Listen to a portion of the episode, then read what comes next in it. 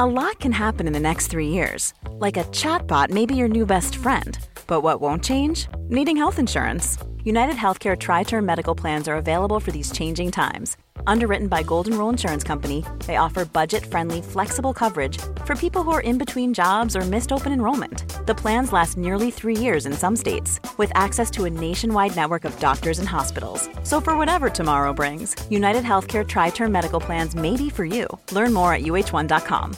Millions of people have lost weight with personalized plans from Noom, like Evan, who can't stand salads and still lost 50 pounds.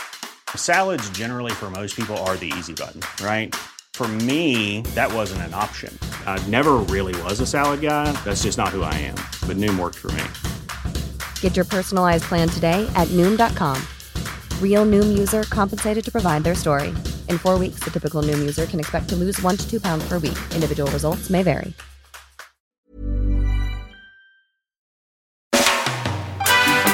Hej och välkommen att vänta på katastrofen ännu en vecka med mig, Kalle Zackari Wahlström och Patrik Sellman. Hej Patrik! Hej Kalle! Du låter pigg. Ja, jag lät jag inte lite som att jag ansträngde mig där i alla fall. ja, ja. Nej då, jag är, jag är ganska pigg. Det är jag faktiskt. Jag tycker... Eh, nej, det känns roligt. Som jag brukar säga. Är det något särskilt som gör att det känns roligt Patrik? Ja, att det händer mycket roligt. Att eh, vi har massa valpköpare på gång nu. Tyvärr har ju de hamnat i skräpkorgen verkar det som. Jag har ju lite nyhetsbrevsprenumeranter och sånt där och har väl skruvat upp hastigheten på de här tusentals utskicken lite för högt med min vanliga mailadress. Ah, ja, man lär sig av sina misstag som vi brukar säga i ja, podden. jag fick här. lära det. Ja, men vad fint. Och du, de här valparna är ju helt otroligt gulliga. Ja, jag eh, som försöker ha det här som ett litet inslag med, eh, ja, du vet upprepningsskämt, lite nördigt. Jag brukar säga så här, jag kommer inte på något sätt hur de skulle kunna bli sötare. Så de är nog optimerade. Ja, alltså små tufsiga björnungar ser det ut. Ja. Otroliga. Ja, de kommer att eh, förvandlas sakta men säkert till att vara kopior på björnungar och sen återgår metamorfosen till mer hundlik faktiskt. Ja, ja, kul. Ja, men det är så. Det är helt otroligt alltså. Och sen... Eh, men nu har vi ju sju stycken. Förra, första kullen vi i vårt liv hade vi ju bara tre, eller endast tre då. Ja. Och nu, nu eh, har vi ju, det blir sån spridning på personligheterna. Va? Och Just vi det, försöker ja, ju verkligen anstränga oss och matcha med de som har varit på besök här och deras erfarenhet och deras personlighet som vi får ifrån ja, ett, par, ett par timmars möte då. Va? Ja. Eh, och möte med hundvalparna och sådär. Så, äh, det har varit jätteroligt. Segt att vara valpköpare och sen få liksom, eh, en lite eh, sävlig, korkad valp. Och bara inse att ni har matchat den med det intrycket ni har fått. Nja, jag, alltså det, jag kan väl säga så här. Eh, jag undrar om det finns svenska lapphundsvalpar som är så. Utan nej, men det är nog lite mer så här hur kontaktsökande är de med människorna. Hur... Eh, eh, alltså de är ju, en del är ju mer på. Vad ska vi säga? Lite hårdare va?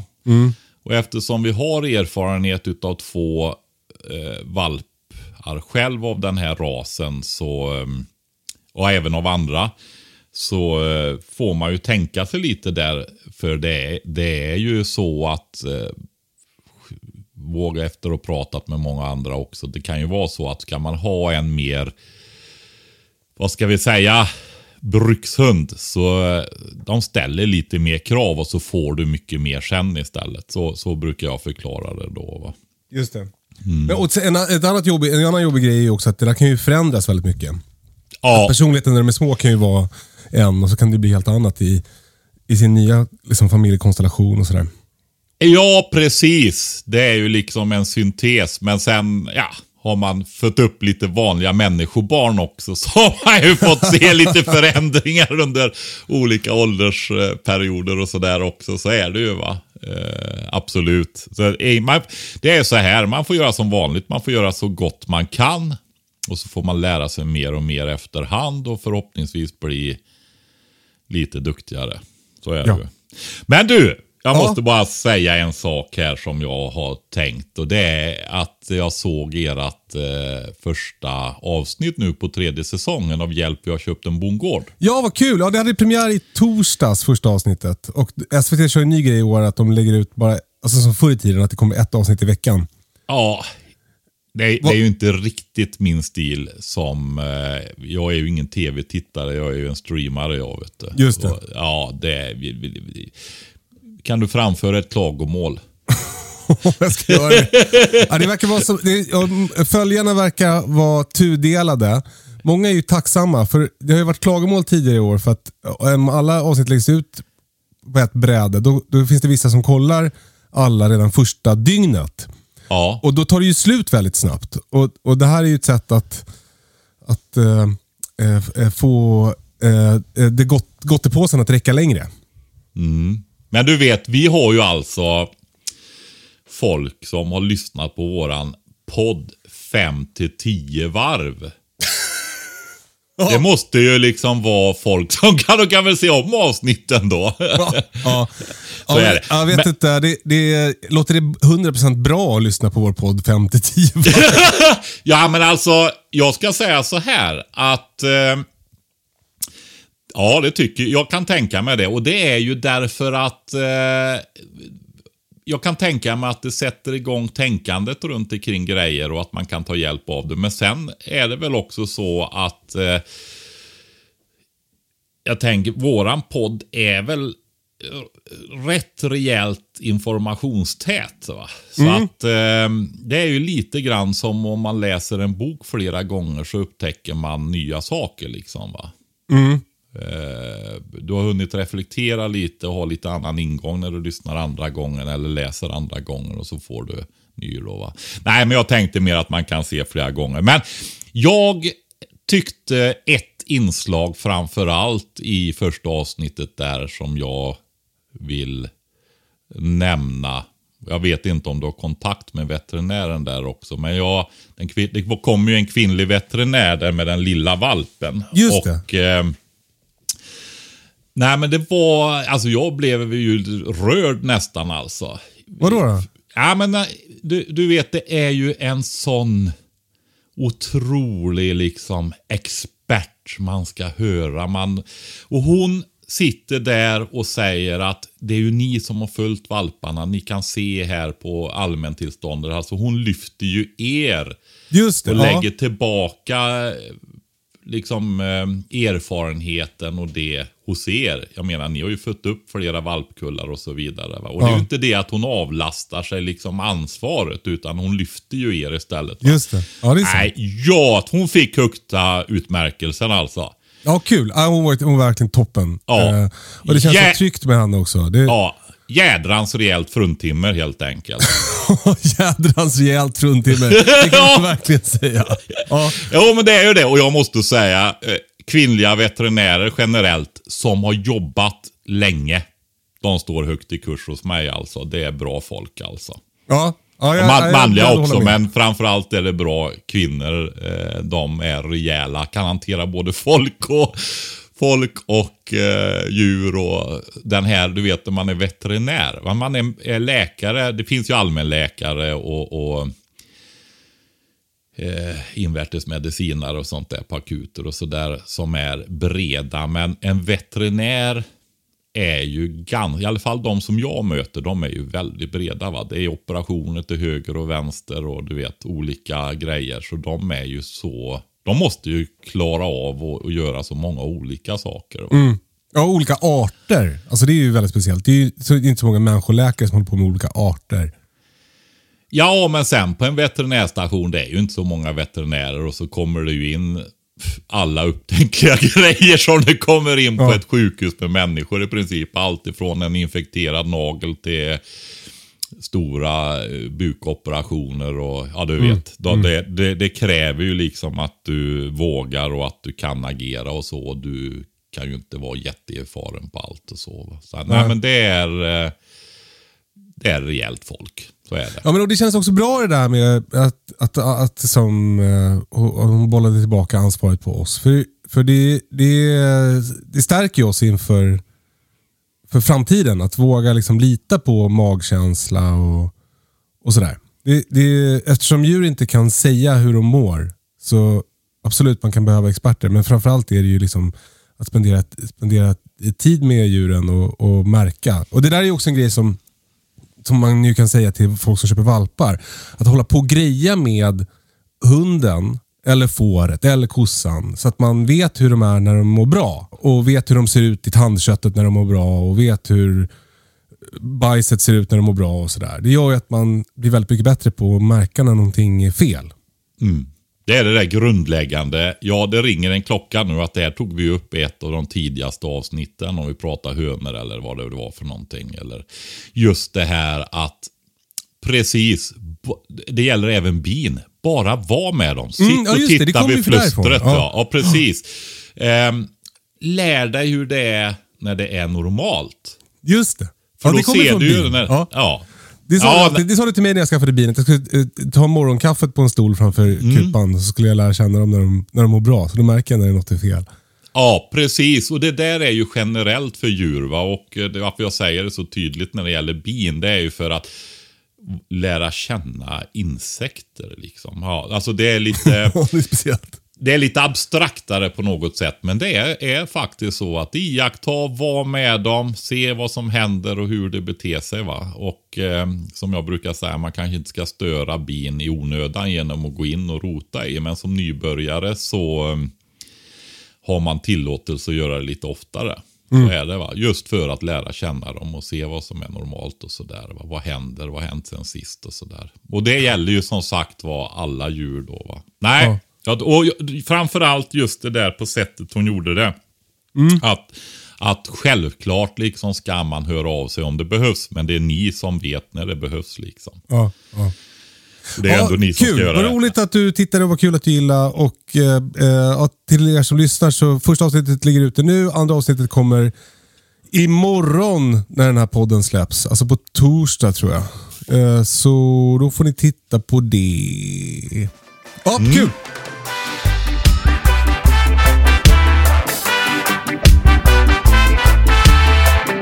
Jo Patrik, förra veckan pratade vi om dina topp 10 beredskapsfröer. Just det, ur ett beredskapsperspektiv ja. Exakt. Alltså de fröer du tycker man ska odla för att överleva efter katastrofen kan man väl säga.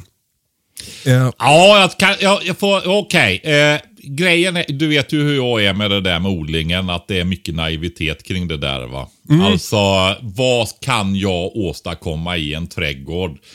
Eh, där jag får ut någonting som kan vara tillräckligt värdefullt för att lägga till tid på det. Som mer som ett komplement. Va? För är det så man börjar titta på det här hur mycket mat en familj behöver. Ah, det, ja, det, det, går åt en hel del, så är det va. Det ja men precis, du har ju sagt det där. för en ja. grej du nämnde förra gången var ju vitkål, tycker man ska odla det.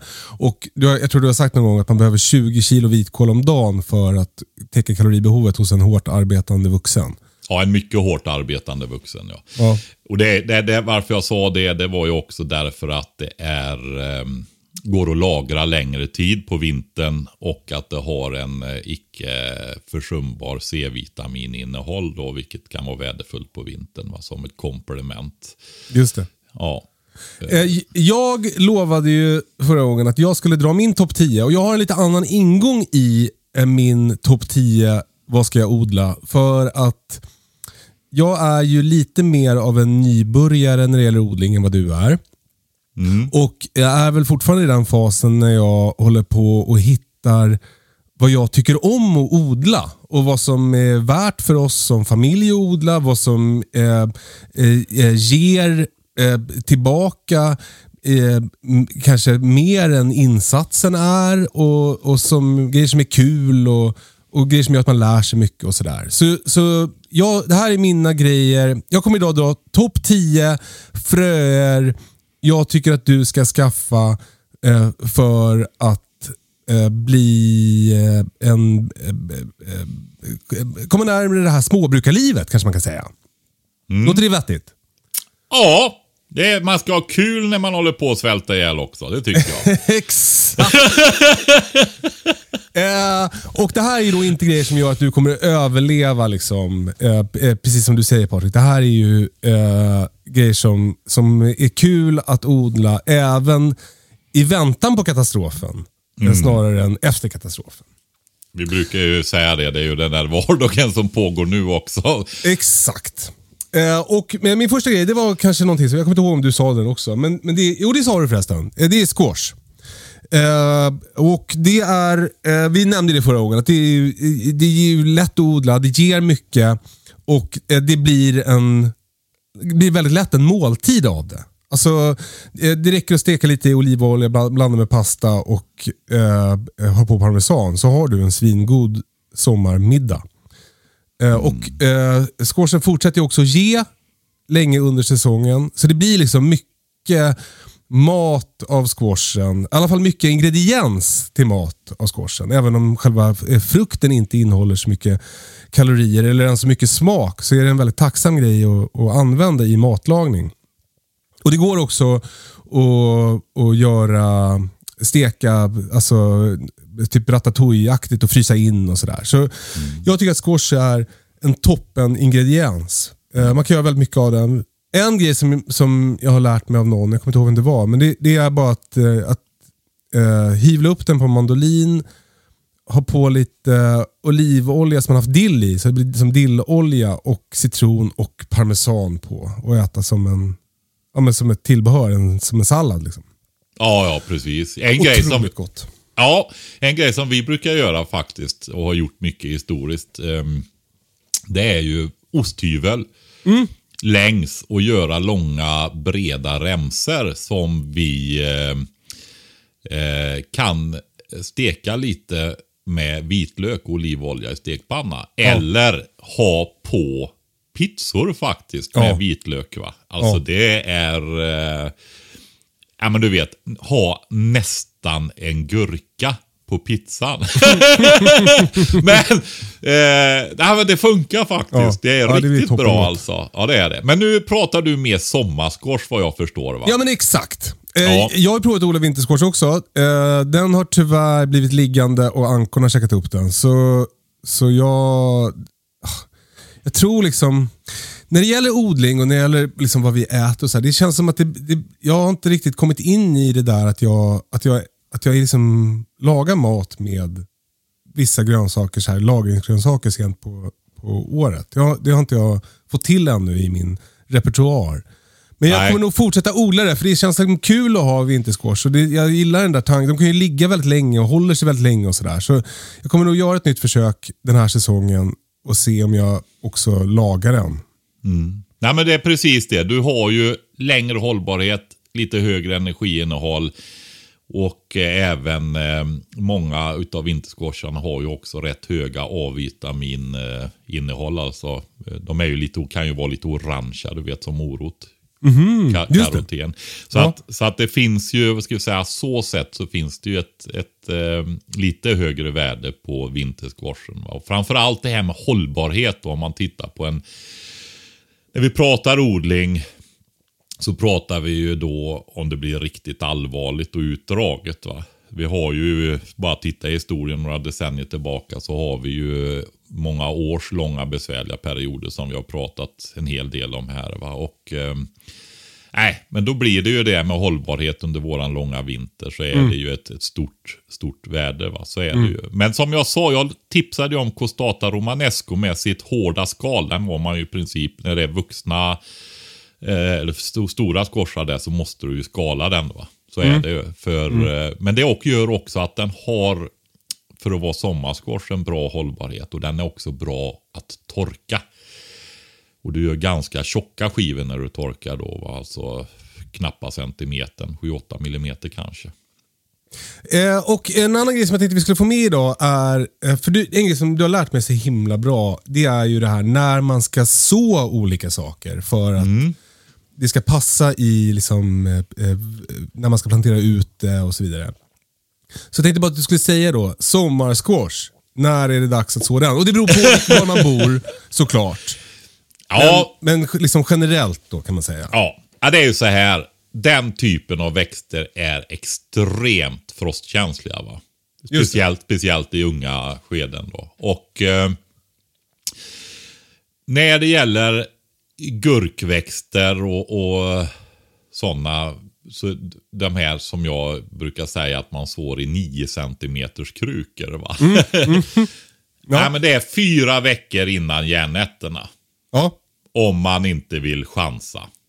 Och det, hos mig så blir det ju då, ja, det blir ungefär en vecka in i maj.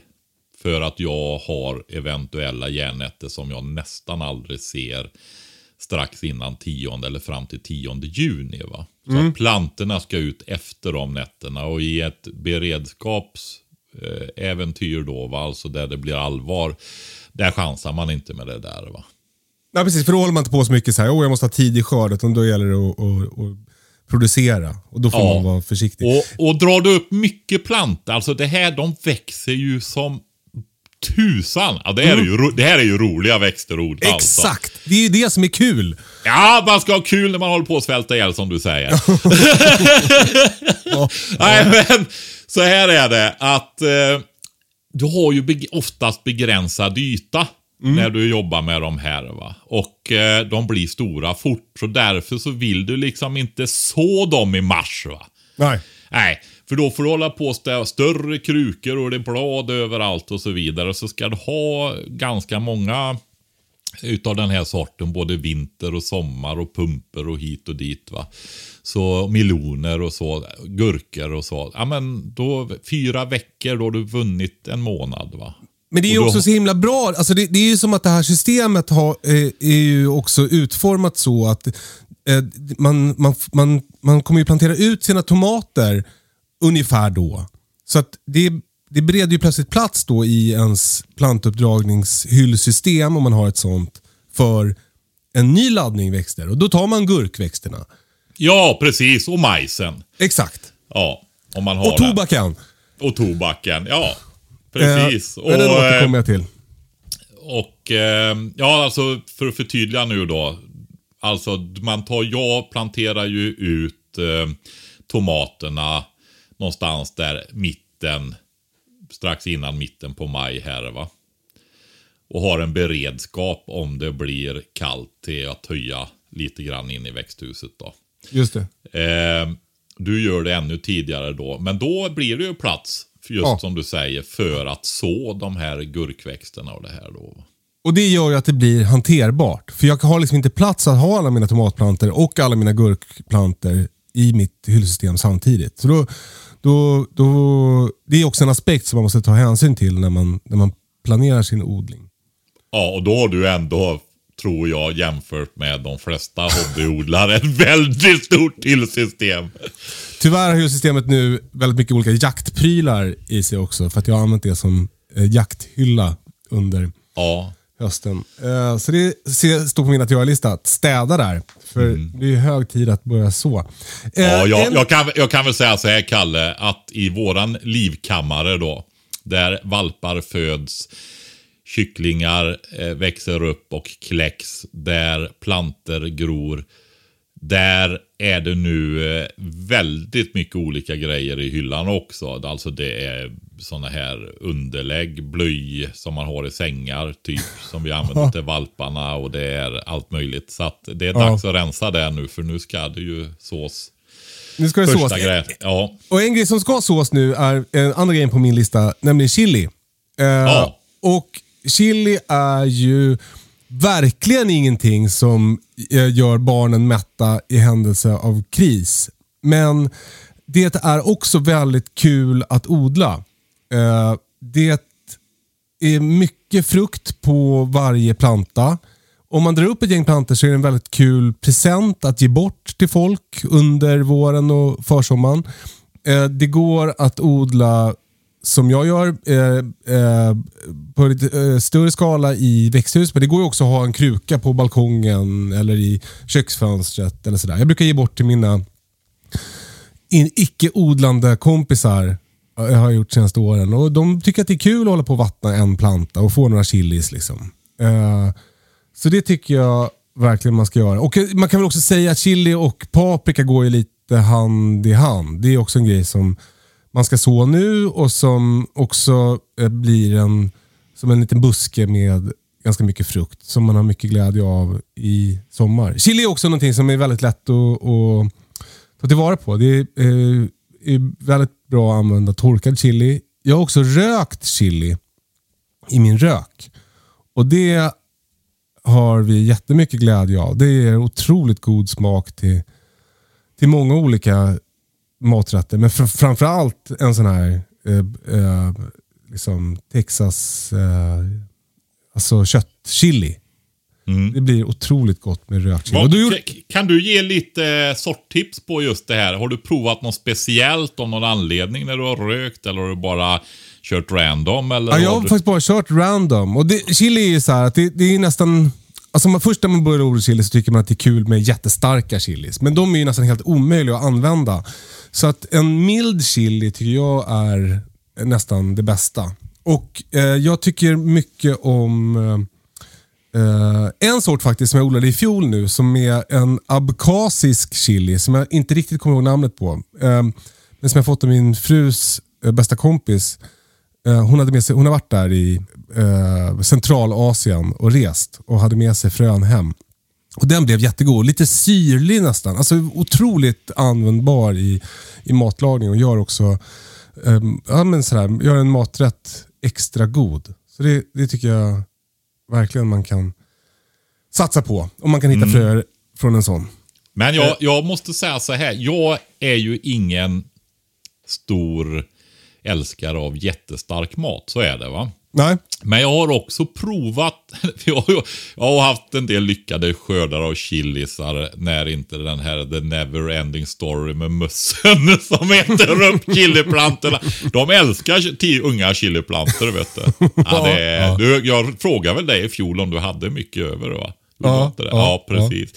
Ehm, men det här med smakpreferenser. Jag märker ju att eh, jag har inte någon hög tröskel för mycket. Ah, vad heter ämnet i som ger den styrkan? Kommer du ihåg det? skolios. Ja, något åt det hållet. Det är väl en sån här när man har sned ryggrad. Det? Mm, jo men det är det, men något liknande. Ja, det, kan, det kan kännas lite som att man har sned i ryggraden när man går på toa dagen efter att ha ätit en riktigt stark chili. Ja, precis. Nej, men... Eh, ja, du har de här graderna där, men ämnet heter någonting... Eh, Scoville är väl graderna. Scoville! Ja, men du har ett ämne som heter... Eh, åh, ja, ja. I alla fall. Eh, men det, man vänjer sig vid detta. Så att äter man oftare chili så höjs det här för vad du tål av den också. Vad du har glädje av och eh, vad du upplever som eh, ja, men smakförstärkare och lyftande av måltid och så vidare. Då, va? Så jag periodvis då när det har gått bra så har jag ätit mer chili och då har jag märkt det tydligt. Men så slutar man, ja, då kommer den här lite lägre Alltså att man är känsligare då för den starka maten tillbaka. Men jag vill också säga, det är roligt det där att du har rökt, för det är ju någonting som jag inte har gjort. Utan som jag har tänkt kanske i, jag vet inte, i 15 år som inte har kommit upp Ja. till ytan någon gång. Va? Nej, men det är jätteroligt att höra. Och Ja, men det sen... toppen. eh, Och den håller sig väldigt länge sen också såklart. Då, för den, det blir som att den, den torkar ur och blir bara Ja. röksmakig. Men sen måste jag ta en grej till som eh, du har lärt mig där och det är ju Padrones. Jag har missat det helt och hållet alltså. Och det är, jag tycker själv att det är lite konstigt nu när jag har upptäckt att jag har missat det. Ja. Äh, men jag fick ju det hos dig. Du hade ju stekt dem i olivolja och lite bara allra enklaste tillagningen i stekpannan alltså. Mm. Och så alltså helt ja, är det inte en tia så är det ju en nia på en 10 gradig skala. Alltså det var riktigt, riktigt gott. Ja, men vad, vad kul. Och, det är också, det, jag tänkte faktiskt lyfta den också. För att eh, Det är en grej som min fru blir väldigt glad av och det är också någonting som, som gör min odling roligare när hon tycker att det är gott. Och också en grej som gör en måltid, alltså det blir som ett perfekt eh, en side order liksom, till en köttbit eller till vad som helst egentligen. Så, och, Ja, och, så enkelt och så bra. Alltså, och fortsätter att ge. Alltså, eh, eh, De, de, det gäller, ett trick med eh, padrons är att ta dem, att inte låta dem sitta för länge på plantan. För det är då de, i alla fall i min eh, erfarenhet, blir väldigt starka. Okej. Så det gäller att ta dem eh, tidigt. De kan bli väldigt, väldigt, väldigt, väldigt, starka om de får sitta för länge. Och Då kan de istället för att lyfta en måltid förstöra en måltid. För att du, Ja, jo, jag känner igen det. Eh, men har man eh, ja, men fem planter, då, då har man obegränsat med padrons i ett par månader där på sommaren och det är otroligt värt faktiskt. Och sen då om du, om du, när ni har tröttnat på att äta upp dem eller när ni har, har missat några frukter som sitter för länge som då blir starka, då kan ni använda dem som chili sen.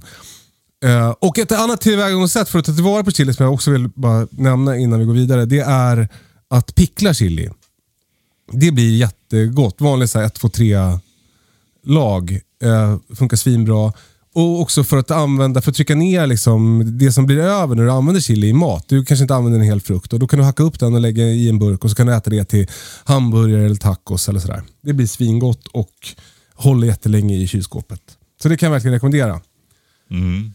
Ja, får jag, när du är inne på chili då, för att jag håller på att ha en, vad ska man säga, återuppväckelse med chili faktiskt. Jag, jag hade ju den här ingången med optimerade värden, men det är ju också så, chili är ju, får jag säga, om man kan hålla mössen borta, rätt lätt, lättodlat. Om jag får säga det. Det är ju så. Och det Alltså jag har historiskt också lyckats ha dem som krukväxter inne. Men med tiden kom bladlössen hos mig också då. Va? Men i, i växthuset, ett vanligt eh, bågväxthus, jättebra. Och det finns, eh, och så vissa sorter ger ju ofantliga mängder alltså. Jag tänker på Hot Lemon till exempel.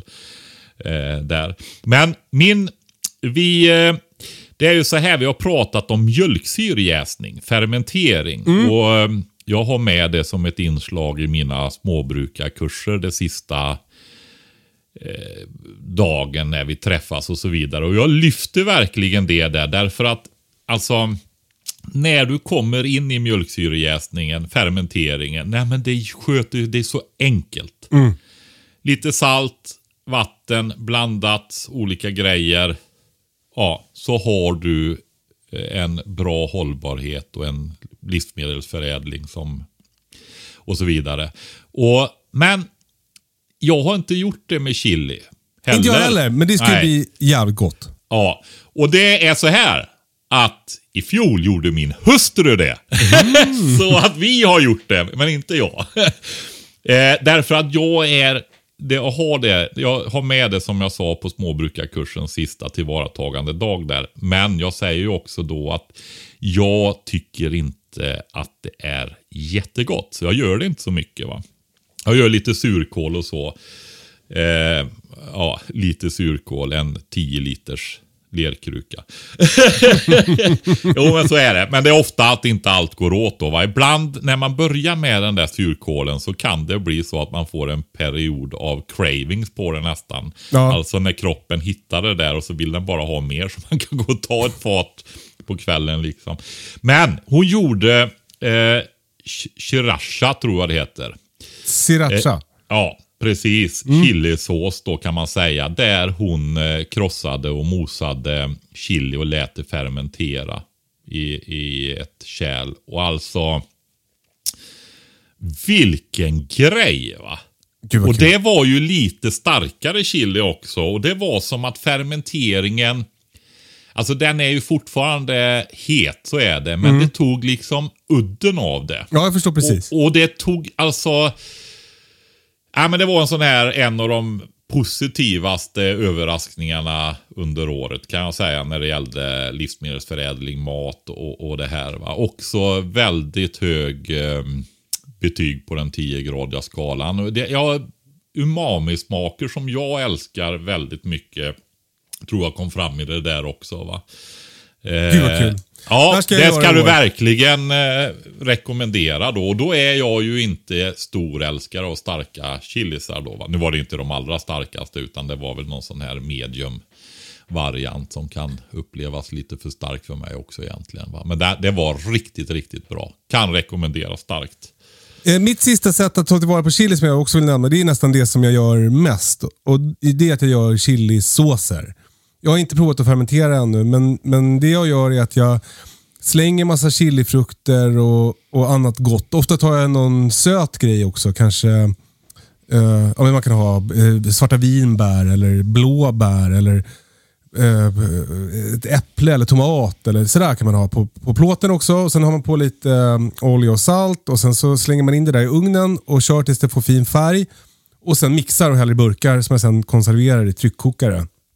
Och det där blir eh, sjukt lyckat. Eh, det blir eh, eh, jättegott, håller ju hur länge som helst och är en perfekt present också. Och lyfter alla tacomiddagar och, och, och sådär. Så, så det kan jag verkligen, verkligen rekommendera. Eh, kan också vara bra att ha i någon syra i. Alltså lime eller vinäger kan man ha. Eller sådär. Det blir jättegott. Och gör också några olika då, så att du gör någon jättestark och någon inte så stark. Och, ja, man kan blanda i tomatillos och man kan blanda i eh, koriander och massa grejer. Men, men eh, det är ett väldigt lätt sätt att ta tillvara på om man får mycket chili. Eh, Och det får man om man är jag. Ja, men det är ju lite som det där med tomatsås. Det går ju att göra eh, framförallt att ugnsbaka då först och sådär. Ja. Precis. Det är ju det på sitt sätt. Och tomatsåsen eller chilisåsen, det är ju... Får man mycket så är det ju bara att göra det. Då kommer vi till nästa grej, nämligen tomat. Ja! Kul! Ett, ett tomat är eh, det som jag satsar nästan mest på att odla, tror jag man kan säga. Eh, det tar, får störst plats i växthuset. Det är noggrannast med plantorna. Jag tar mest väl om hand om plantorna. Jag eh, eh, tar tillvara på alla tomater. Jag eh, kokar sås. Jag har i, i jordkällaren så att vi klarar oss hela året. Så tomater tycker jag verkligen man ska odla. Och det här är också, tomater är någonting som jag aldrig hade odlat med framgång innan vi träffades. Så det har jag fått lära mig 100% av dig. Eh, Och eh, Den stora grejen var att jag fick ett växthus. Så jag byggde ett växthus och, och, och kunde då odla tomater ordentligt. För att jag har tidigare provat på så här mot södervägg och sådär. Det har liksom inte eh, gått så bra. Men det är ju sen lite trixigt med tomater. Det där med att man ska tjuva dem till exempel. Hade jag aldrig fattat vad, vad det betydde. Och Det är då att man tar bort alla onödiga skott. Ah, Vi, vi får göra ett eget program om, om tomattjuvning. Ja, det låter som en YouTube-film snarare. Ja, men det kan vi prata om senare i vår när det börjar bli aktuellt. Ja. Eh, Men om man, gör, om man sköter tomatplantorna på rätt sätt, då blir de ju liksom tre meter höga och eh, ger otroliga mängder frukt. Eh, och när det gäller sorter då, när det kommer till tomater, så jag, jag, kör liksom, jag brukar ta lite olika där också. Det är ju kul med bifftomater och då är det det där godaste som du har lärt mig också, att man skär en tjock skiva och har på ett surdegsbröd med olivolja och salt. Och lite peppar. Och lite peppar. Ja, Eh, peppar eller man gör en caprese med, med eh, mozzarella och varva med tomatskivor. Det blir ju helt sjukt gott. Men sen Ja. tycker jag också, en grej som jag och mina barn har, eller framförallt jag och Björne, och min två och ett halvt-åring. Det är att eh, han tycker väldigt mycket om körsbärstomater. Så vi, vi, jag försöker odla körsbärstomater. Gärna någon låg sort, alltså buskig sort, som är nära ingången i växthuset. Som gör att han, när han kommer in där, snabbt ser tomater som han kan äta och kan ta själv och sådär. Så det, det har varit väldigt lyckat för oss. Hans favoriter har varit gula körsbärstomater. Jag vet inte om det är så stor skillnad egentligen, men, men eh, det tycker jag om man ska odla. Så bifftomat, körsbärstomat och San Marzano är ju en sån klassisk också för att ha tomatsås på pizza. Så den blir väldigt god. Den, mina gav inte så mycket i år. Jag hade väldigt mycket sådana planter. Så inte jätte... Eh, det blev inte så superlyckat, men ganska lyckat blev det. Eh, och sen såklart Brandywine-sorterna. Eh, en jävligt bra som jag odlade i fjol som jag inte fick tag på i år hette Straw German Orange Strawberry eller något sånt där. Det var det f- stora, eh, feta, eh, eh, jordgubbsformade orangea tomater som vi åt väldigt mycket av. Så det var gott. En som vi har suktit och odlat som heter Moneymaker. Den, var, den rekommenderar jag inte. Det, det låter så härligt för att det låter som att den ska ge så sjukt mycket tomater. Tyvärr är de tomaterna inte jättegoda. Men, men eh, de är fortfarande godare än de man köper i affären och det tycker jag man ska tänka på med Ole tomater. Att det, så här, alla sorter är typ goda. Och där håller du kanske inte med mig, men jag, jag tycker liksom så här, kör vad fan som helst. Ta de som heter roligt eller som kommer från ett ställe där du har varit. Eller, alltså så- sådär. Ja, så är det. Jag kan hålla med dig där till... Eh, ja, i huvudsak så är det faktiskt... Eh, jag är ju ingen, det har jag förmodligen sagt förut, jag är ju ingen egentligen superfinsmakare va. Ehm, det är jag inte. Jag har för dåligt eh, luktsinne för det. Men, eh, men däremot så skulle jag vilja till... Du var inne på det här med södervägg och vi pratar sorter och så vidare. Så... Alltså det är ju så här, jag pratar ju inte bara i podden och jag är väldigt dålig på att hålla reda på eh, eh, vad jag har sagt saker och så vidare. Men jag har en, en väldigt stark upplevelse av just att tomater blir väldigt mycket godare om du kan odla dem friväxande. Alltså inte under plast eller glas. A lot can happen in the next three years. Like a chatbot may be your new best friend. But what won't change? Needing health insurance. United Healthcare Tri Term Medical Plans are available for these changing times. Underwritten by Golden Rule Insurance Company, they offer budget friendly, flexible coverage for people who are in between jobs or missed open enrollment. The plans last nearly three years in some states, with access to a nationwide network of doctors and hospitals. So, for whatever tomorrow brings, United Healthcare Tri Term Medical Plans may be for you. Learn more at uh1.com. Millions of people have lost weight with personalized plans from Noom, like Evan, who can't stand salads and still lost 50 pounds. Salads, generally, for most people, are the easy button, right? For me, that wasn't an option. I never really was a salad guy. That's just not who I am. But Noom worked for me. Get your personalized plan today at Noom.com. Real Noom user compensated to provide their story. In four weeks, the typical Noom user can expect to lose one to two pounds per week. Individual results may vary. Quality sleep is essential for boosting energy, recovery, and well being. So, take your sleep to the next level with Sleep Number. With a Sleep Number smart bed, you can individualize your comfort level and enjoy a better sleep night after night. JD Power ranks Sleep Number number 1 in customer satisfaction with mattresses purchased in-store. And now the Queen Sleep Number C4 smart bed is only $1,599, a saving of $300 only for a limited time. For JD Power 2023 award information, visit jdpower.com/awards. Only at Sleep Number stores or sleepnumber.com. Jag hade ett eh, väldigt enkelt växthus innan jag skaffade det här 40 kvadratmeters bågväxthuset som jag har nu. Och eh, det var med, Jag byggde alltså med enkla reglar mot söderväggen på eh, vedboden. Hade som en stor kraftig drivbänk med rejält välgödslad och jättefin jord i. Eh, och sen hade jag gjort med plastfolien så här så att ja, det låg ut ett snedtag ut och så en rak vägg mot söder som var ganska låg. Eh, de höga tomatplantorna allra längst in. Och sen var det så här att jag kunde rulla upp plastfolien. När det var fint väder. Så att de stod exponerade för sol och lite lätt vind och så vidare. Och sen kunde jag rulla ner den här på ett enkelt sätt. Då, va? Och jag fick så otroligt goda tomater. Och det, Brandywine. Oj, oj, oj, oj, oj. och där, där gjorde det ju så att kombinationen av det här då att jag både kunde skydda dem vid kallt, regnigt väder. Och jag kan tänka mig att få dem vara lite, alltså ibland så var de ju det också för jag glömde och så vidare då. Va? Men eh, det är just det här att de utsätts för saker. va eh, påfrestningar. De får lite tjockare skal. De blir tvungna att, att kaxa upp sig lite grann. Va? Och det gör att de blir godare. Och jag skulle tro också nyttigare faktiskt. Men det är en intuitiv... Eh, det är som med människor helt enkelt. Alltså snyggaste killen i klassen i högstadiet kanske inte går lika bra för idag. Utan de som hade lite kärvt, de, de, eh, de använde den energin för att, för att eh, skapa ett eh, liv efter gymnasiet som var mer. Ja, det är säkert ett mönster som går att hitta en del av, ja precis. Men, eh, men när det gäller tomater då. Ja, Så är det ju så att odlar man rent mot en södervägg, det är ju det här med sortvalen ändå va. Eh, du sa odla vad du vill. Ja, men det kan man kanske göra i växthus va. Så får man prova vad som funkar för dig själv. Glöm inte att du själv som odlare är en del av odlingssystemet och du, vi är olika och det funkar olika grejer för olika olika platser och alltihopa det där.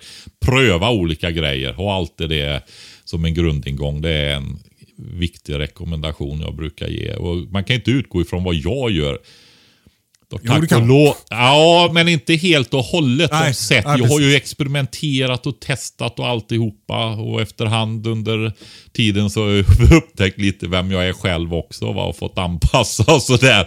Det, och så är det ju för alla människor. Va? Det Mm. som passar mig passar inte alla och, och tvärtom. Så att... ehm, för att det ska bli så bra som möjligt i alla fall. Va? Att, man, att man har den utgångspunkten. Men ryssarna och österut har fortsatt hållit på med den här trädgårdskulturen som vi också hade haft tidigare. Som jag tycker håller på att komma tillbaka. Va?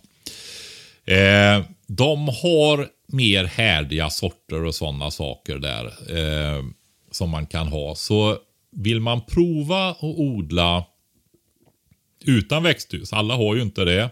Nej. Och man kan ha, kan, vi kanske vill odla mer än vad man har plats för i sitt lite mindre växthus. Så titta på sådana härdigare sorter. Gud vad kul för din eh, tjänsteman på ryska ambassaden nu som fick öppna en ny flik i sitt Excel-dokument och skriva något positivt du har sagt om Ryssland. Ja. Men du vet, eh, vi, alltså jag har ju, när jag möter ryssar och sånt ofta nu då. Alltså, vi ska säga mer, alltså man får komma ihåg att jag har varit med när Berlinmuren växte upp, när Berlinmuren fanns och det var helt stängt och man visste knappt vad som hände på andra sidan. Va? Det gick rykten typ och, och så va. Och det var en otrolig polarisering då mellan öst och väst. va. Eh, men efterhand där så har jag ju liksom upptäckt det. Vad otroligt mycket vi har gemensamt. Och jag har som tänker i, i flöden och historiska perspektiv och sånt där väldigt mycket och försöker förstå. Så alltså vi, du kan ju gå långt tillbaka. Vart var det, om vi säger, det fanns ju inte då, men om vi använder termen de svenska vikingarna. De rörde sig, det var ju de som åkte i österled va. Det var ju de som följde floderna ner ända till Turkiet och drog skeppen över land till nästa flod och gjorde sådana här grejer va. Eh, så att det finns ju en koppling där. Jag tänker på norrmännen, det var ju de som åkte och slog ihjäl munklar i Storbritannien och så vidare va. Just det. Och så tänker jag på orden där. Jag tänker på vindue. Väldigt snarlikt window till exempel. Va? Ja, alltså de rörde sig i västerled. Va? Så att vi har någon sorts djup koppling till österut. Va? Jag vet inte, det gick ju ett tv-program med några som åkte efter en flod med båt. Jag kommer inte ihåg vad det hette. Jag tror det var två norrmän. Då kom de till gammalsvensk by djupt nere i Ukraina. Och där har de tydligen till alldeles nyligen pratat otroligt gamla svenska dialekter alltså. Eller, Gud vad spännande. Ja. Du, Padre, jag tänkte bara fråga, jag håller på med en lista med grejer som jag vill odla. ja, just det. Ska vi återgå till det? ja, det kan vi göra. Så Men titta på, om- rysk, titta på ryska tomatsorter och växter överhuvudtaget i alla fall. Gärna äppleträd med. Ja, och så får vi ta norska tv-program någon annan gång då. eller? ja, det gör vi. Ja, ja, då gör vi det. Eh, tomat, alltså jag vet inte om jag sa det med chilis, men det är dags att så nu. För de behöver skitlång tid på sig att växa innan de kan innan de är tillräckligt stora och sådär. Så, så, eh, så chili och paprika och allt det där nu. Eh, squash får jag då fyra veckor innan eh, järnnätterna, som beror, och det är de sista nätterna. Men frost, frostrisk, Ja. det beror lite på var man bor någonstans. Men jag brukar tänka fyra veckor innan nationaldagen, för att det brukar, då är man säker. Eh, eh, tomater då, de, de har du lärt mig eh, eh, behöver åtta veckor på sig innan de är dags att plantera ut. Och, Ja. eh, för mig är det Förra året planterade jag faktiskt ut dem i andra halvan av april och det gick, gick bra för mig. Så, och Det betyder att jag då ska så dem i slutet på februari. Det gjorde jag inte däremot sist. Jag sådde dem i andra halvan av mars. De var väldigt små när jag planterade ut dem, men det gick ganska bra ändå. Men för att optimera då i år så har jag tänkt att jag ska försöka så kanske redan innan sportlovet eh, och sen eh, plantera ut dem andra halvan av april om det vädret verkar tillåta det. Och Det bygger då på att jag kan värma upp mitt växthus lite grann. För att hålla plusgrader där, även om det blir någon minus ute. Ja, du har en dörr till garaget bland annat va? Exakt, så jag kan öppna. Ja. Men, men får jag säga en sak, ett par grejer där. Det är ju så här, när du gjorde den där lite senare sådden och planteringen med mindre planter. Eh, Det handlar ju om hur långt, hur höga tomatplanter kan du ha? Och hur högt hinner tomaterna växa till sig och moga, mogna på plantan? Kom de väldigt högt eller märkte du en markant skillnad mot de där äldre? Alltså hann de ändå menar jag. De har jättebra ändå. Alltså det, det, eh, de växer liksom in i oktober här, så det, det är inte... eh, de, de, de blev jättestora alla tomatplantorna. Men däremot så hade jag kunnat få tomater tidigare tror jag. Alltså vi hade kunnat Ja, men jag tänkte på tidigare. klasarna på tomater, hur högt upp de kom på plantan. Om du Ja, ja, ja, ja, ja. men det, det var, det, de kom hö- högt, högt upp. Det var ingen märkbar skillnad, utan enda egentligen är du tar den ökade risken för att få tomater tidigare och en längre ätsäsong på tomaterna. enkelt. Exakt, det är så jag Ja. tänker. Mm. och det kan du göra som har ditt värmesystem där. Ja. Nästa grej på listan. Här kommer en grej som... eh, Nej, får jag säga en ja, sak till ja. tomaterna? Ja. tomaterna där. Ja, gärna. Jo, eh, plantuppdragningen där. Alltså, det är ju en av de ljuskänsligaste plantorna vi har. va. En del är ju inte värre än att du kan dra upp dem nästan i ett fönster utan extra belysning när vårljuset börjar komma. liksom så här. Va? Men tomater, där är det ofta så här att man har nästan alltid för lite ljus och de drar iväg och blir långa och gängliga. Va? Eh, åtta veckor det är ju liksom den klassiska tiden man brukar dra upp i, i förväg. Men jag har ju samma erfarenhet som du har och jag gör mycket tomatsås och sånt. Och visst, det är jätteroligt att få eh, Alltså när man kan börja plocka första tomaten. Det är, det är ju lyx alltså. Så är Verkligen. det ju. Ja. Verkligen. Men eh, jag har ju rätt fina ljus eh, och hyllor och så vidare. Men jag har ändå problem med att det drar iväg och det kan ju också ha med hur tätt står plantorna och så vidare. Men jag har också det där jag ska dra upp ganska många plantor och tomatplantor och sådär. va.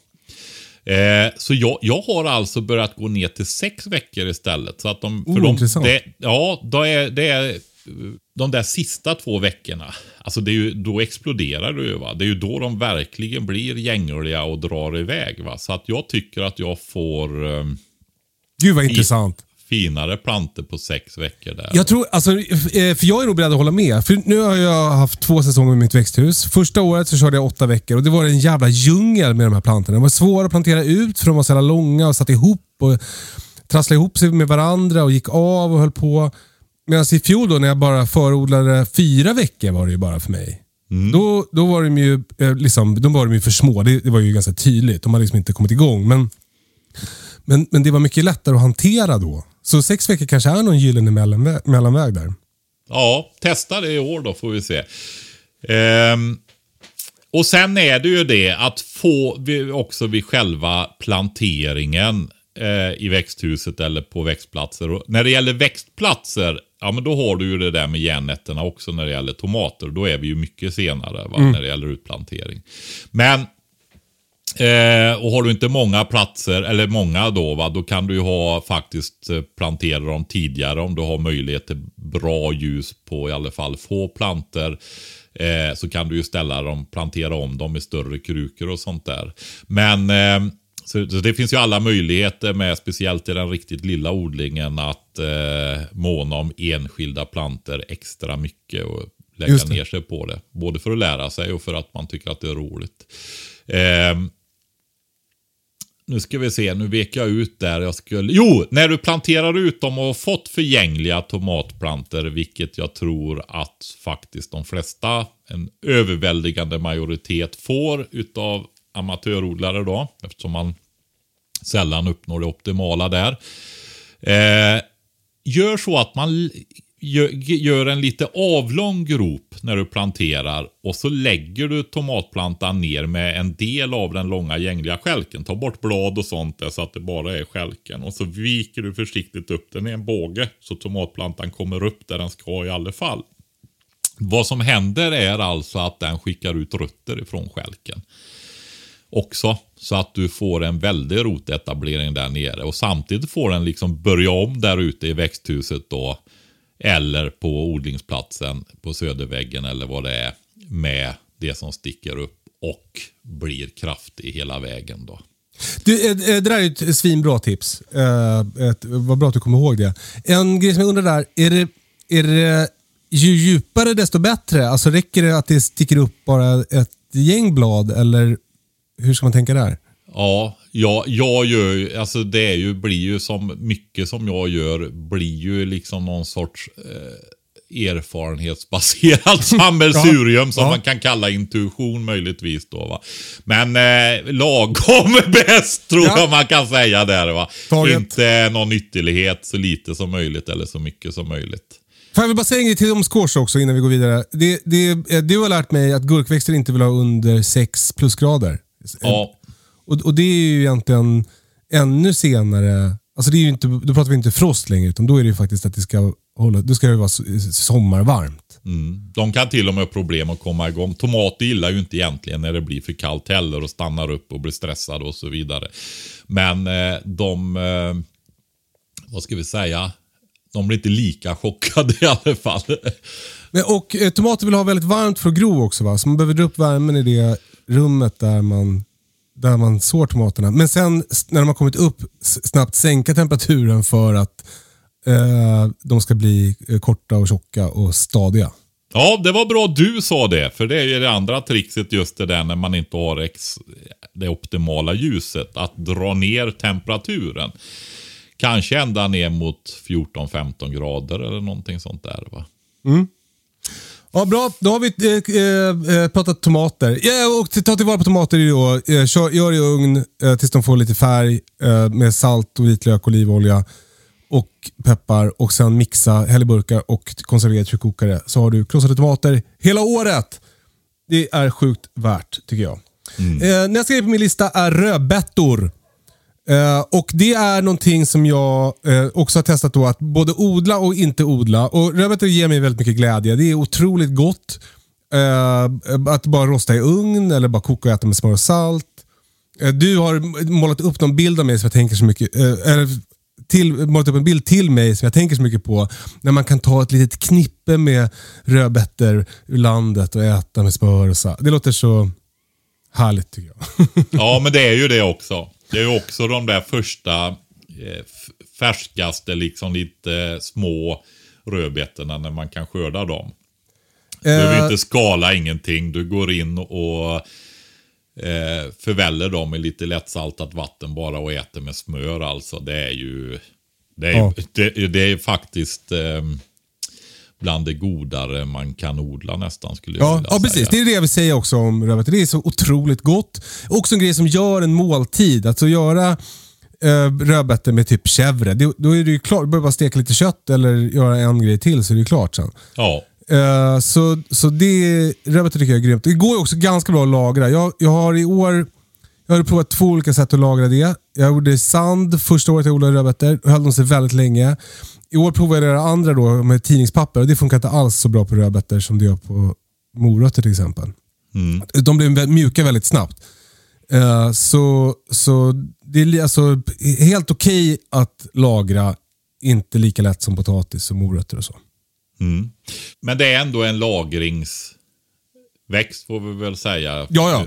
Absolut. Och går ju också att lägga in. Alltså det är alla som ja. ätit äh, äh, pyttipanna, pyttipanna i, till, i en lunchmatsal vet jag att man ska ha inlagda rödbetor till. Så. Ja, och isterband och alltså vi har ju ett antal utav våra klassiska maträtter där inlagda rödbetor är eh, eh, råbiff. Mm, mm. Ja, men du har ju en, eh, en ja, inlagda rödbetor måste man ju ha. Några burkar så är det ju va. Ja. Ja. Ja, så rödbetor tycker man ska odla. Eh, och när ska man så rödbetorna Patrik? Mm. Alltså, jag har ju sagt det tidigare just det där att jag rekommenderar, och jag har ju gått över till det mer och mer, att dra upp planter av eh, det som går att dra upp planter. Att det är värt, alltså när du får eh, rutin på det här med att dra upp planter och man har bra system på det. När det är lite mer då, va? när det är små grejer så går det ju alltid att göra enklaste grejer och så. Men när du ska odla lite mer så, så får man ju, om det ska vara rimliga tider och så vidare, ha system och kanske kosta på sig rätt just det. Tänka lite grann mer som ett företag då. va rationellt. Eh, så jag drar upp planter utav rödbetor faktiskt. Och då gör jag det. Eftersom du gör det så gör jag också det. Ja, ja. har du gjort det historiskt också eller? Ja, ja. ja, ja precis. Eh, och det funkar ju jättebra, eller hur? Mm, jättebra. Ja. Eh, det här är ju de växterna som inte är så känsliga. Så att de kan du ju sätta ut tidigare om du vill. va. Eh, ska du så dem så kan du ju så dem när jorden reder sig. Det är ju de du kan så på höstsådd om du har kontroll på ogräset och sånt också. Va? Så, eh, och då gäller ju det om du sätter ut späda plantor också. Om du inte ser att det ska vara jättekallt den närmaste perioden så ehm, så de hinner etablera sig och sådär. Så, och härda av sig lite grann så, så kan du sätta ut dem ganska tidigt. Jag skulle nog säga att om man tar mitt då, det här 320 meter över havet, lite svalare men samtidigt rinner den här allra kallaste luften ner i Dalarna, växthorn 5. Då såg så jag ju dem sam, eller, i, i brätterna då samtidigt som jag sår kål och, och sallader och mangold och sånt i brätten då. Alltså de Samma här.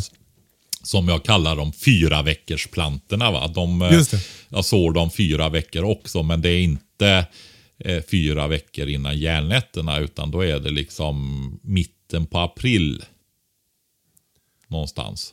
Eh, och, eh, och, och, mitt system för det där är att jag såg i början på april och i pluggbetten med jordkontakt gjorde jag nu. Det här är senaste året och i växthuset. Ja. Uh, och det gick otroligt bra om jag får säga det själv. Ja. Jag har ju också, lite senare på säsongen i år, så köpte jag ett sånt här underbevattningsbord. Alltså ett mm. Ebbo flodbord, tror jag det kallas. Mm. Uh, och Det är perfekt för plantuppdragning av, den här, av det här slaget. Så då kör man ett 96 uh, cells pluggbrätte med en sån här underbevattningsmatta och sen fylls det där på med vatten så att de sug, plantorna suger upp det automatiskt. Eh, det blev jättelyckat för mig. Mm. Eh, en annan grej som jag såg då, som jag nu kommer att säga, som är nästa grej på listan, är kålrabbi. Och kålrabbi eh, odlade jag för två år sedan lite som ett skämt för att jag tyckte att det hette roligt. Men det blev snabbt en favorit här hemma. Eh, otroligt söt och god.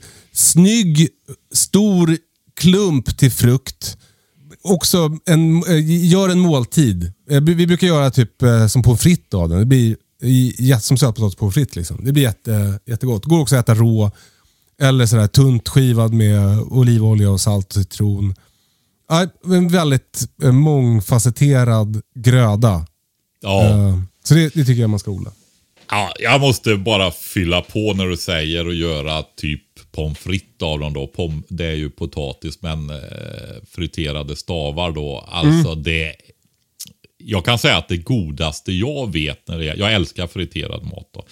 Eh, och pommes frites och kryddpotatis med om man gör det rätt så att du får den här krispigheten och så i det då. Va? Eh, det är alltså kålrot. Mm. Och jag kan tänka mig att kålrabbi är åt det hållet då. Ja, det är som, det, jag skulle säga att det, det är fan det är typ samma ju. Alltså ja, fast typ det, är nog lite mildare va? Mm, kan man säga. Mm. Ja, kan om, man, säga. om man har lite. Men gör du sådana här strips av kålrot så är det ju så att då får du ju den här mer söta smaken framöver än den här lite vassa kål, kålsmaken då va? Som, Och nej. Patrik, du skulle tagit upp det här förra veckan när du hade din lista. Nu var det min lista. Ja, men det var själva matlagningsdelen som du hade, hade där. Eh, alltså de, eh, det är jättefint att göra stavar och så med de Ja, här. men så, alltså, kålrabi är en grej som man kanske inte eh, liksom, man kanske inte har odlat det, man kanske inte känner, någon som har odlat det. Men testa det, det blir, jätte, det blir toppen. Vi, vi går vidare. Eh, Ja. Det börjar bli lite långrandigt det här nu. Morötter är min nästa grej. Eh, morötter är, eh, eh, tycker jag man ska odla för att det blir så sjukt mycket godare än det man köper. Eh, Det är en grej som barnen tycker om att äta direkt ur landet. Eh, Barnen tycker om att skörda det också. Det- De tycker att det är kul att rycka upp morötter. Eh, Det gör hundarna också. Okej, vad kul. Ja. Mina hundar får inte vara i landet. Men, Va? Hur får du sorkarna då? Ja, det har jag katten till. Okej. Mm. De drar inte upp morötterna. Ja, katten drar inte upp några morötter. Du, får jag, får jag sticka emellan med en fråga bara Patrik? Ja. Eh, jag, har ju eh, ett sånt här kastanjestaket runt mitt trädgårdsland. Ja. Eh, jag har mycket grejer som står kvar som som, alltså typ såhär, all blomkål som inte blev tillräckligt stor för att kännas värt att ta tag i, skörda, står kvar. Uh, uh, Stjälkselleri som jag inte tog tillvara på. Det som blev över, det har fått stå kvar. Ska jag släppa in grisarna där nu eller? Uh. Alltså du har ju stora fullvuxna grisar. Ja, de är, de är riktiga as. Jag tycker man, men alltså, min- tanken är så här, man får ju stå och vakta. För de kan ju springa igenom det staketet hur lätt som helst.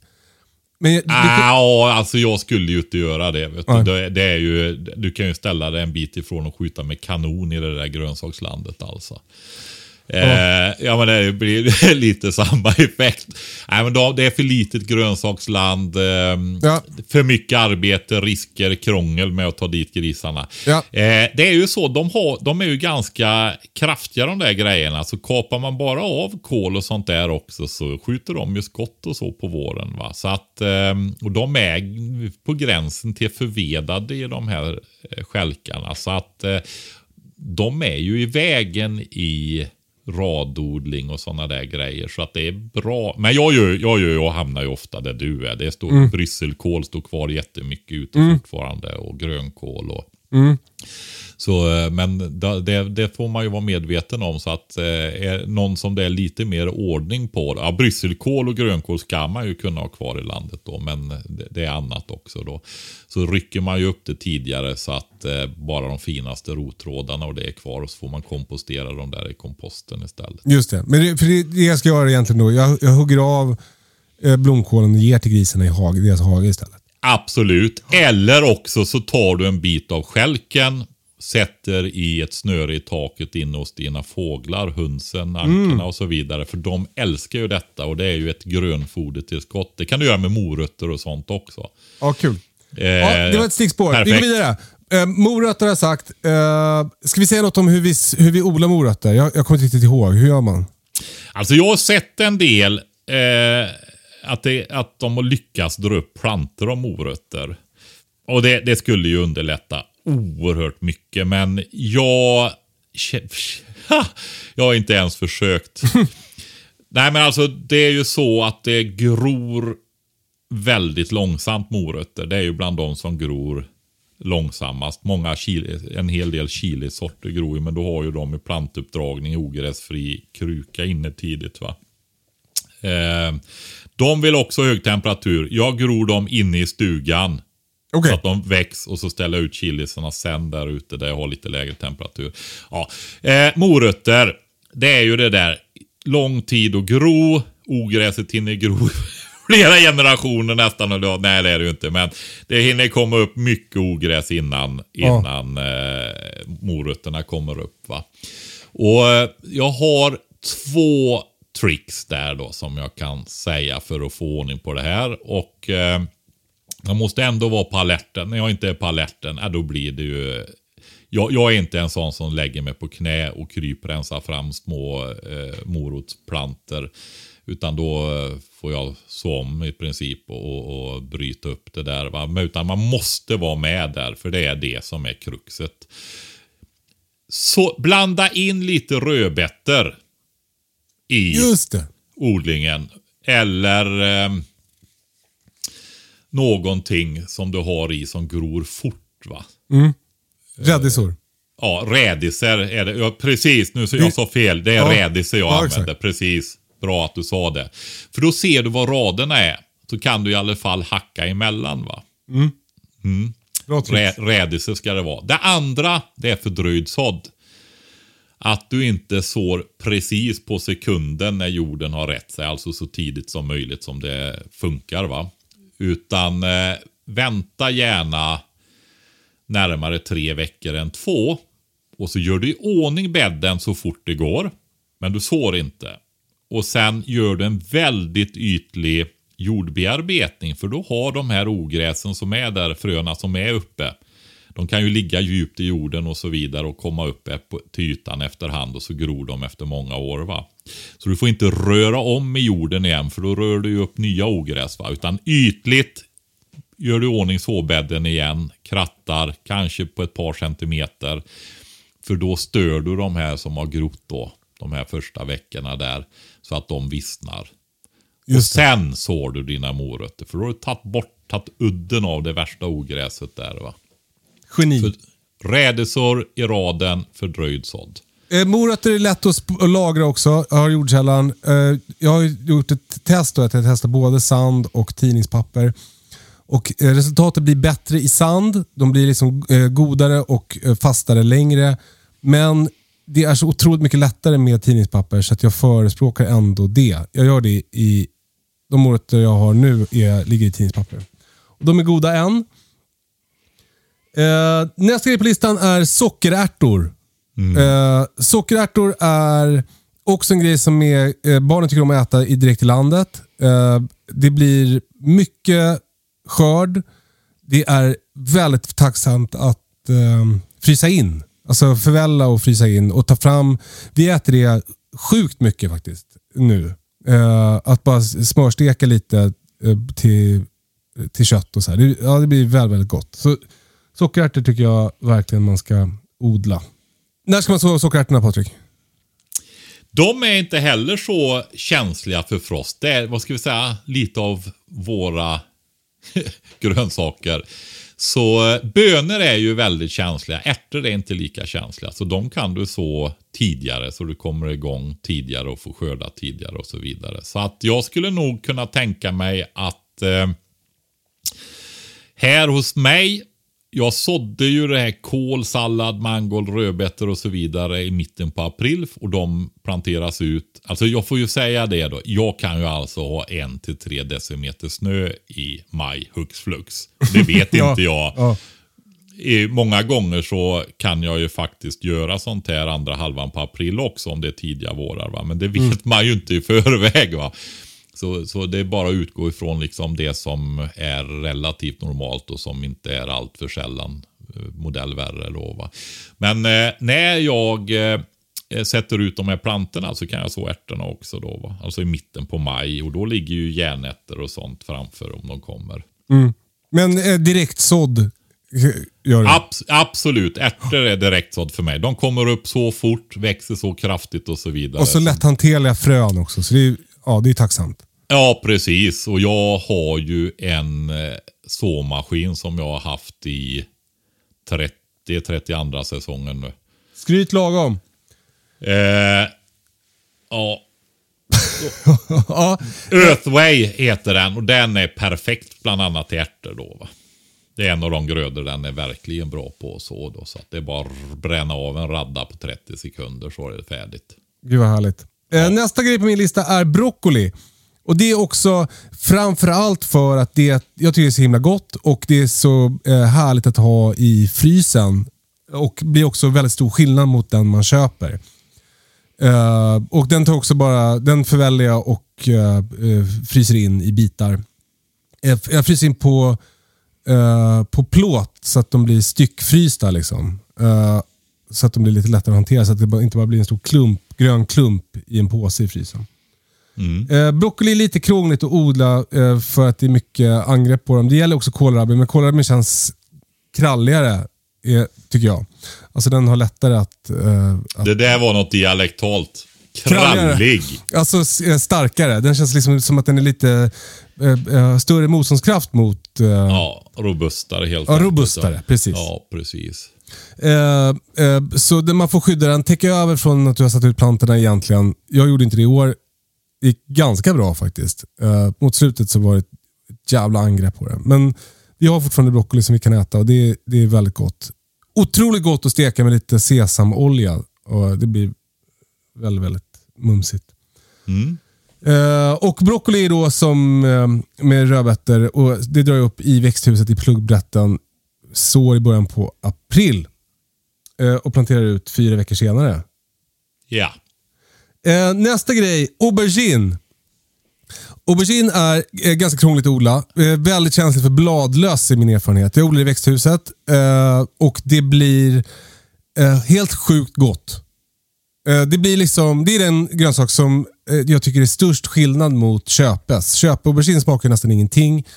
Medan aubergine man har odlat själv. Det är plötsligt som att man förstår, när man äter hemodlad aubergine så förstår man varför den finns. Alltså, och varför det finns så mycket härliga rätter med aubergine.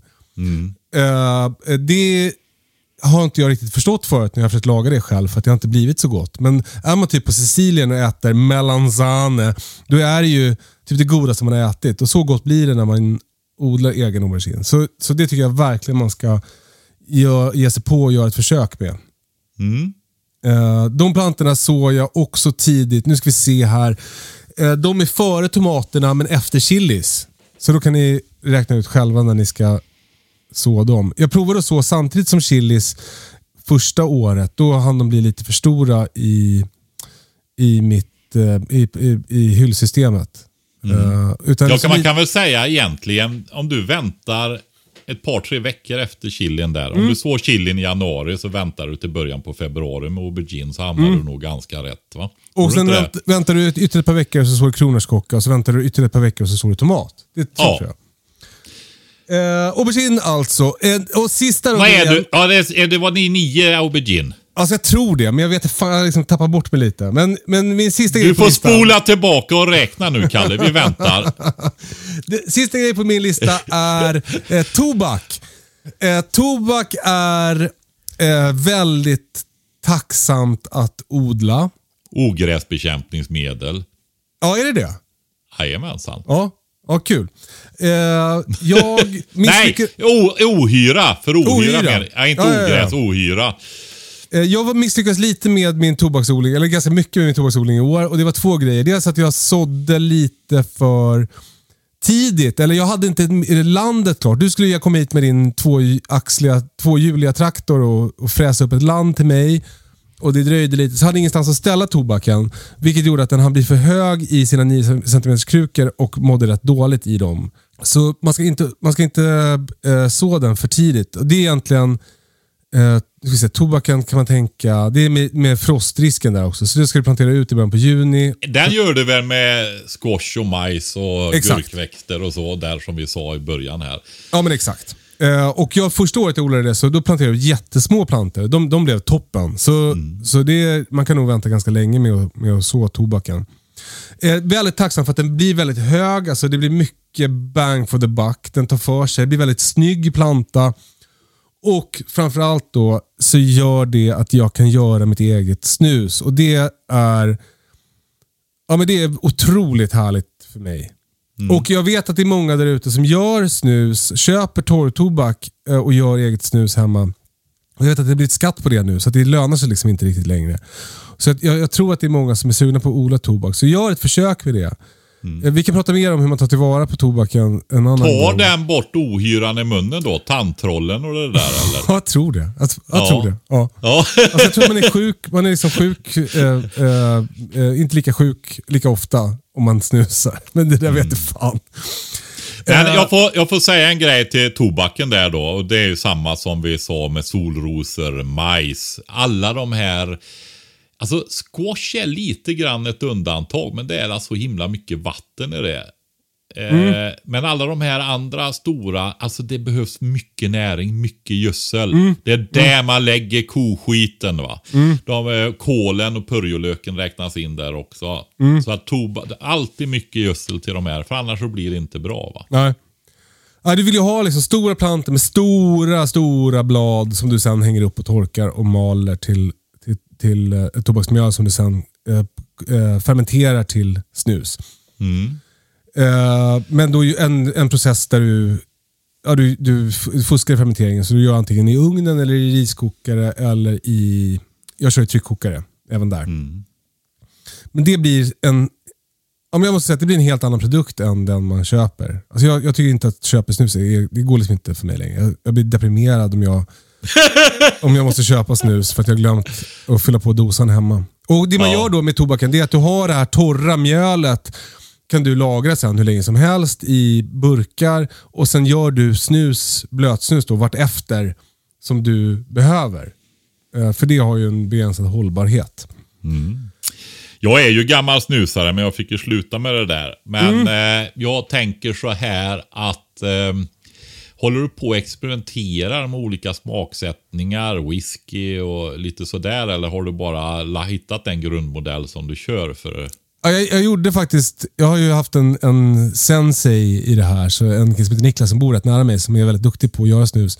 Och Vi har hållit på och experimenterat med olika, tinkt, olika tinkturer och rallarros och och göra med öl istället för vatten. och så här. Jag tycker liksom, För mig funkar det jättebra med bara vatten och salt nu. Eh, Det, det, det blir Det är drogen du vill åt helt enkelt.